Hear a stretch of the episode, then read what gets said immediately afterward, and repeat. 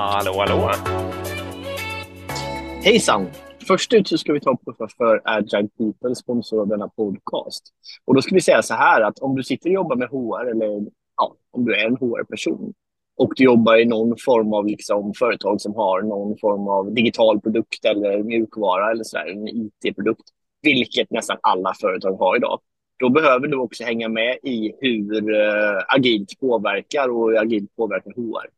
Och där har Agile People kurser och workshops som man kan gå helt enkelt. Uh, så det rekommenderar vi. De finns på agilepeople.com. Exakt, och jag kommer lägga ut eh, specifikt i avsnittsbeskrivningen idag också så ni kan hitta eh, precis vilka kurser vi kanske tänker på i första hand. Där. Bra, klicka in där.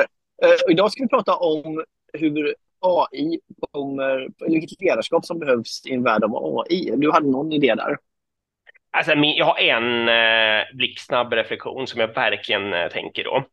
Och den är att jag tror att lite det här, eh, lite sånt som vi håller på och spanar eh, titt som tätt, att ehm, det kanske är bra med någon form av autonomi, att ledaren kan peka ut riktning och eh, sådana där saker, men att det ska vara autonomi liksom i hurfrågor och sånt där.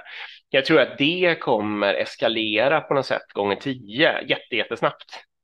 För jag tror att um, om, när alla människor kan och de, alla, alla smarta människor kommer och alla människor skulle kunna ta hjälp av AI, uh, eh, då kommer liksom allting gå mycket fortare, utvecklingen kommer gå fortare och om man liksom ligger kvar då, i det här lite toppstyra grejen så kan man bli förbisprungen maximus liksom, av vilken organisation som helst där människor får tänka fritt och själva.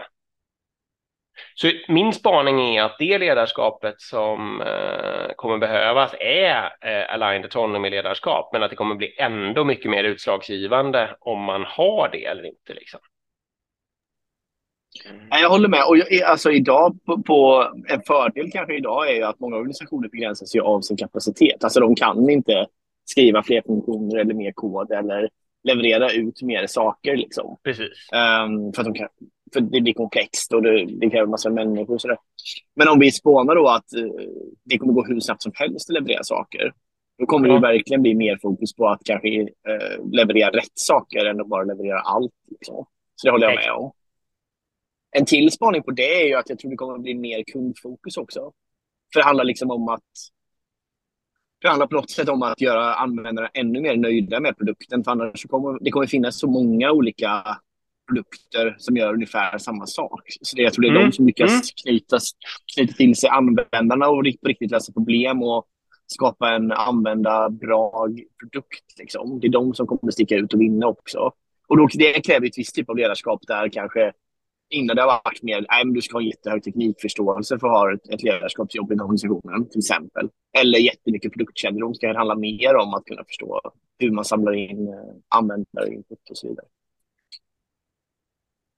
Nej, men det är ju väldigt, väldigt sant. Och för det som, eh, om man tittar på vad människa, alltså vad har människa kvar att komma med så att säga?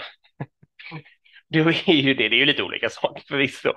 Men typiskt så skulle det ju kunna vara just det här äh, mänskliga perspektivet på vad man egentligen uppskattar och sånt där då.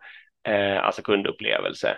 Eh, och sen är det kanske det här helhet och kunna ta in liksom helt olika faktorer, huller om buller och sådär.